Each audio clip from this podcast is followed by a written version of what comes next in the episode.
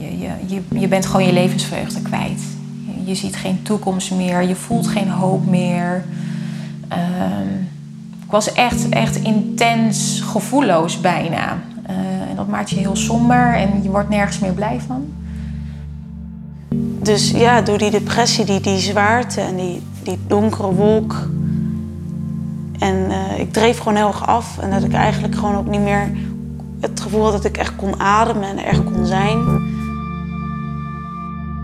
Weet ik nog, lag ik op mijn buik met die vier gasten op me en een spuit in mijn bil. En toen werd ik daar wakker in die separeercel. Nee, dat heb ik niet. Dat zijn toch mensen die zeg maar een beetje gekke dingen doen. Omdat het zo zwaar was, dat ik echt dacht van ja, moet ik dit nog mijn hele leven gaan dragen? Uh, mag ik alsjeblieft uh, mijn vader achterna?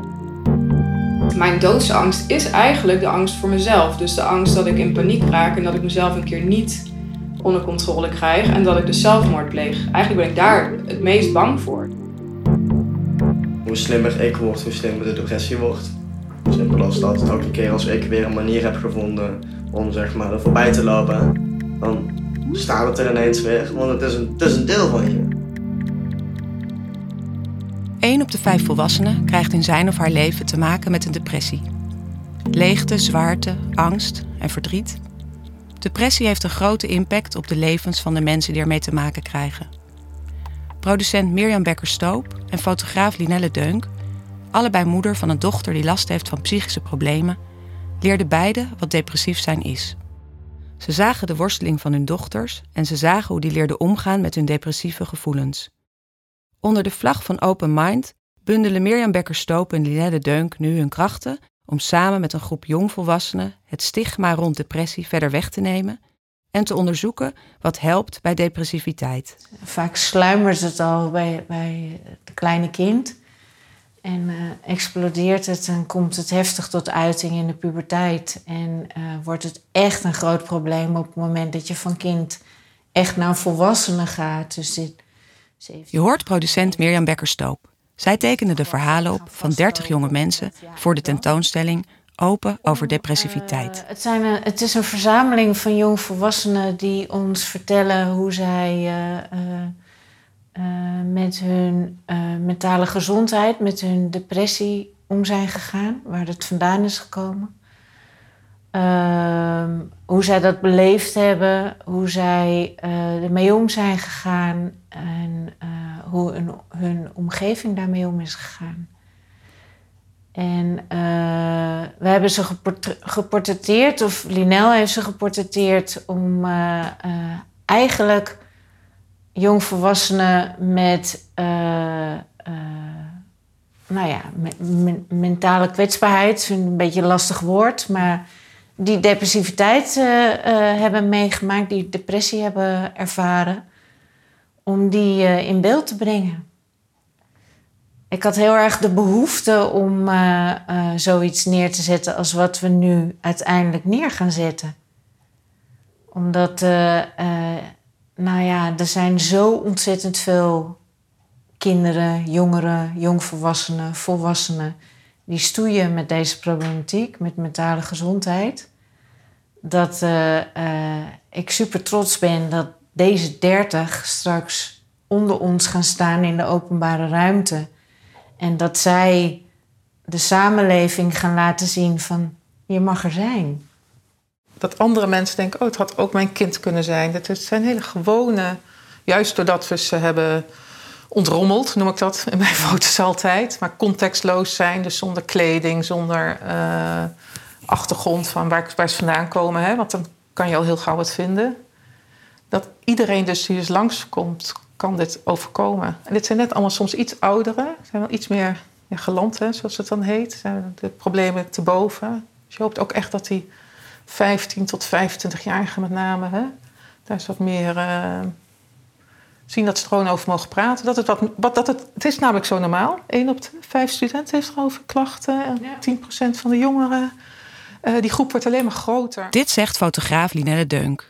Ze maakte de 30 zwart-wit portretten van de jongeren. Samen met de verhalen van Mirjam Becker-Stoop vormen ze de tentoonstelling Open over depressiviteit. De portretten en de audioverhalen zijn te zien en te horen in de openbare ruimte. De buitententoonstelling start in het Vondelpark in Amsterdam en reist daarna door het land.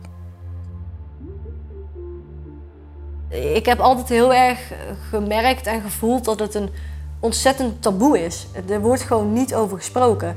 Als je ziek bent en je meldt je ziek op het werk, dan kan je zeggen: Ik heb last van, ik heb migraine of hè. Maar als jij naar je werkgever belt en zegt: Ik ben depressief, dan dat doe je niet snel. Um, ik heb daar heel open verteld dat ik vroeger een depressie gehad heb. En dat ik in de afrondende fase daarvan zat. Um, helaas stond dit bedrijf daar niet zo voor open.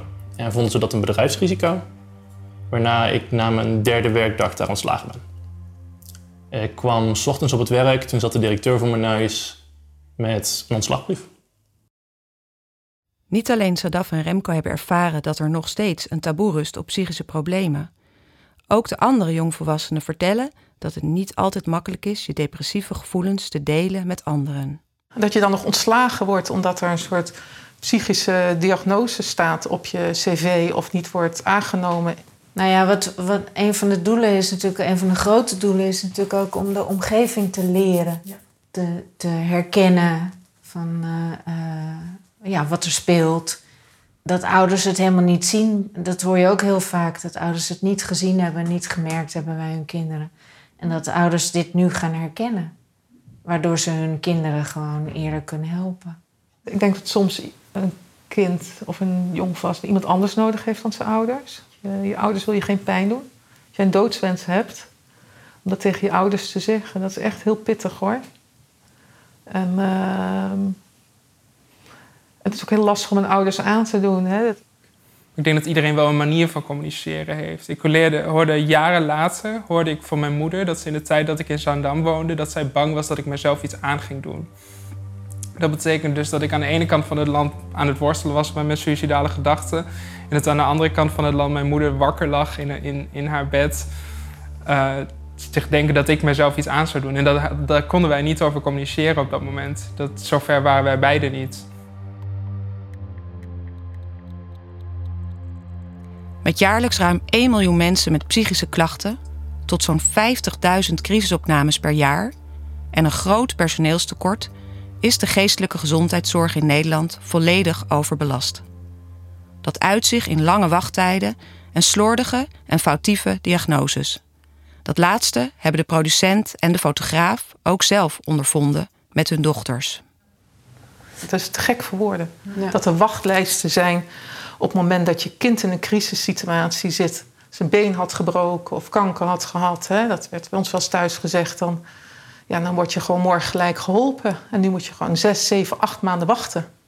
Het heeft alleen maar erger gemaakt, zo'n wachtlijst. Ja. Dus. Als het nog zou helpen, dan zou het goed zijn. Dat je zegt, geef het de tijd. En uh, je moet voorlopig geen hulpverlener spreken, want dan wordt het alleen maar erg. Maar dat is niet zo. Nee, wat Mensen we hebben een hulpvraag. Ja, wat we eigenlijk hopen is dat, dat nu juist jongeren veel eerder uh, gesignaleerd worden en veel eerder goede hulp krijgen. Ja. En misschien dat, dat de overheid uh, ja, daar toch ook iets aan gaat doen. Onze dochter die heeft een chronische aandoening. Maar toen ze op een gegeven moment van meisje naar vrouw ging en het vorig jaar weer helemaal misging. Ja, en als je dan hulp nodig hebt, ja, dan, dan heb je een probleem. Want dat is gewoon niet vinden. En uh, nou ben ik producent en uh, niet op mijn mondje gevallen. En ben ik heel goed in het opspeuren van mensen die voor wat dan ook kunnen helpen. Maar dit is me niet gelukt. Het is me gewoon niet gelukt. Totdat, uh, uh, en inmiddels zijn we bijna een jaar verder. En uh, zijn wij als ouders zo uitgeput en zo uitgewoond en zo niet goed geholpen. Ze moest gewoon iemand anders spreken dan ons. Dat ik 113 heb gebeld. Mijn dochter zegt, ik heb het haar dus gisteren nog gevraagd. Ze zegt, wat me nou echt geholpen heeft naast al die wat me echt niet heeft geholpen zijn wachttijden.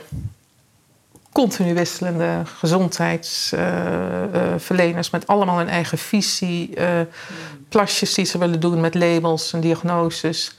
En uh, altijd meer weer dat verhaal. En soms gewoon ook echt incompetent. Altijd maar weer dat verhaal moeten doen. Hoe vaak je niet elke keer moet zeggen wat er met je aan de hand is. Terwijl er hele dossiers zijn. Maar wat er echt heeft geholpen zijn dat er gewoon heel, ja, hele goede, lieve mensen zijn die, ja, die vertrouwen hebben, geloof, een plan met je maken. Op wat voor vlak dan ook. En dat is ook medicatie, zegt wat me echt heeft geholpen. Uit eigen ervaring met hun dochters weten Mirjam en Linelle hoe moeilijk het is om een weg te vinden uit de depressie. Wie moet ik inzetten? Hoe, hoe helpen we? Ja, we zijn echt op zoek gegaan naar de tools. Ja. Wat kan je doen om daaruit te komen? Ja. Uit de gesprekken met de geportretteerden bleek ook dat dit lang niet voor iedereen eenzelfde pad is. De weg naar een leven zonder depressie is heel persoonlijk, voor iedereen anders. Er zijn wel een aantal rode draden. Zoals Aafke en Sascha vertellen, hebben medicijnen hen geholpen.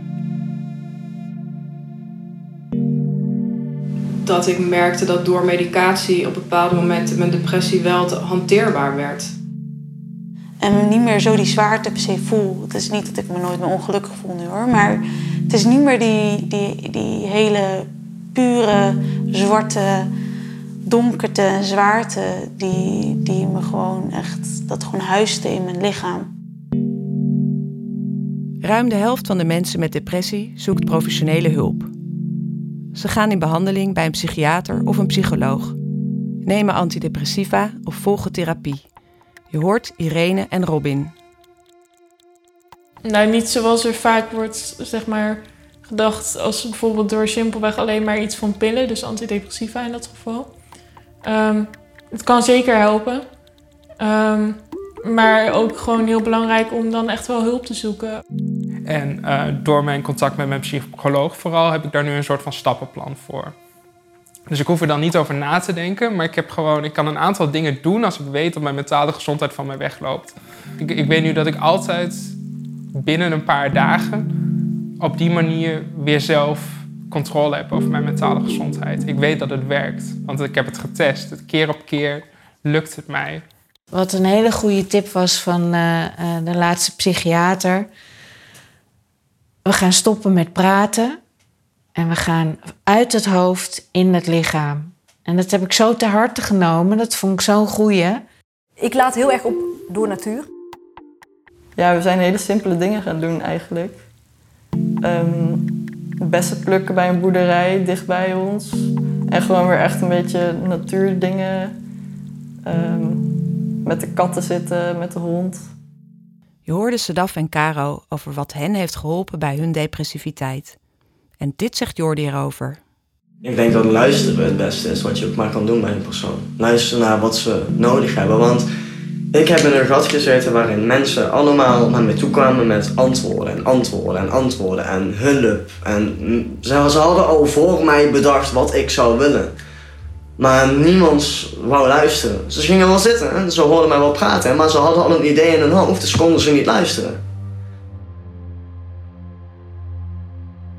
Dat ze zich allemaal heel erg eenzaam hebben gevoeld. Dat het een hele pittige strijd is. En het positieve ervan vind ik dat ze het enorme vechters zijn.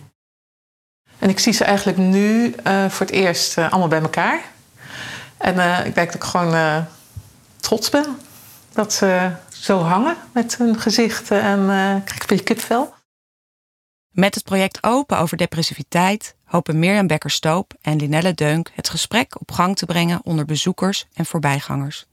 Want iedereen die naar de foto's komt kijken of toevallig langsloopt, kent wel iemand die met depressiviteit kampt. Er open over kunnen praten kan helpen, net als luisteren. Hoe donker het leven ook soms kan zijn, uh, het hoeft niet alleen maar negatieve uh, dingen te brengen. Het kan je ook heel veel moois brengen en heel veel leren. Ja, zeg maar vanaf mijn twintigste ben ik eigenlijk normaal gesproken elk jaar wel een keer opgenomen geweest. En uh, nu ben ik, uh, nou ja, dat zeggen, ja, iets meer dan anderhalf jaar stabiel. Dus, dus dat is een recordje, dus het gaat goed. Mijn, mijn lievelingsliedje van mijn moeder en van mij is... Um I'm on my way van Gotthard. En zij beginnen het liedje met The road is long, but we got solid shoes. En dat gaat nou over I'm on my way and that's okay. En ja, dat vind ik prachtig. Van ja, ik ga soms echt nog wel een keer op mijn bek en hard ook. Maar ja, dat is mijn pad. Dit was een podcast in opdracht van Stichting Open Mind Amsterdam. U hoorde de stemmen van producent Mirjam Becker-Stoop en fotograaf Linelle Deunk. Redactie en scenario Esther Thiele en Reineke Schermer van Studio Groen en Geel. De techniek is gedaan door Madok van Zalk en Rens Korenvaar van Studio Earforce. De muziek was ook van Studio Earforce. Durf open te zijn over depressiviteit. Net als Aafke, Alex, Bob, Caro, Elia, Esmeralda, Estrella, Jill, Hadas, Hanna, Ilham, Irene, Jesse, Joelle, Jordi, Joshua, Lekisha, Laura, Leonie, Lianne, Lola, Maud, Nikki, Nienke, Ozan, Remco, Robin, Rosanne, Sascha en Sadaf. Dank jullie wel.